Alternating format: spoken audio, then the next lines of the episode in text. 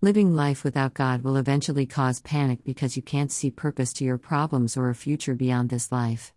If you insist on being in control, life will confront you with situations that challenges that your control is severely limited. When you believe that God is in control of your life, you know He holds it together.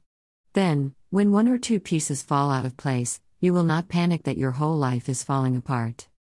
Sin causes panic, fear of exposure, and eventual exposure combine to undermine life. When you sin, you cut yourself off from the lifeline of God's safety and protection. Loss can cause panic. Losing people who were a part of your support system can cause you to panic about your own future. Losing material objects, particularly if they are more important to us than they ought to be, can generate powerful feelings of desperation.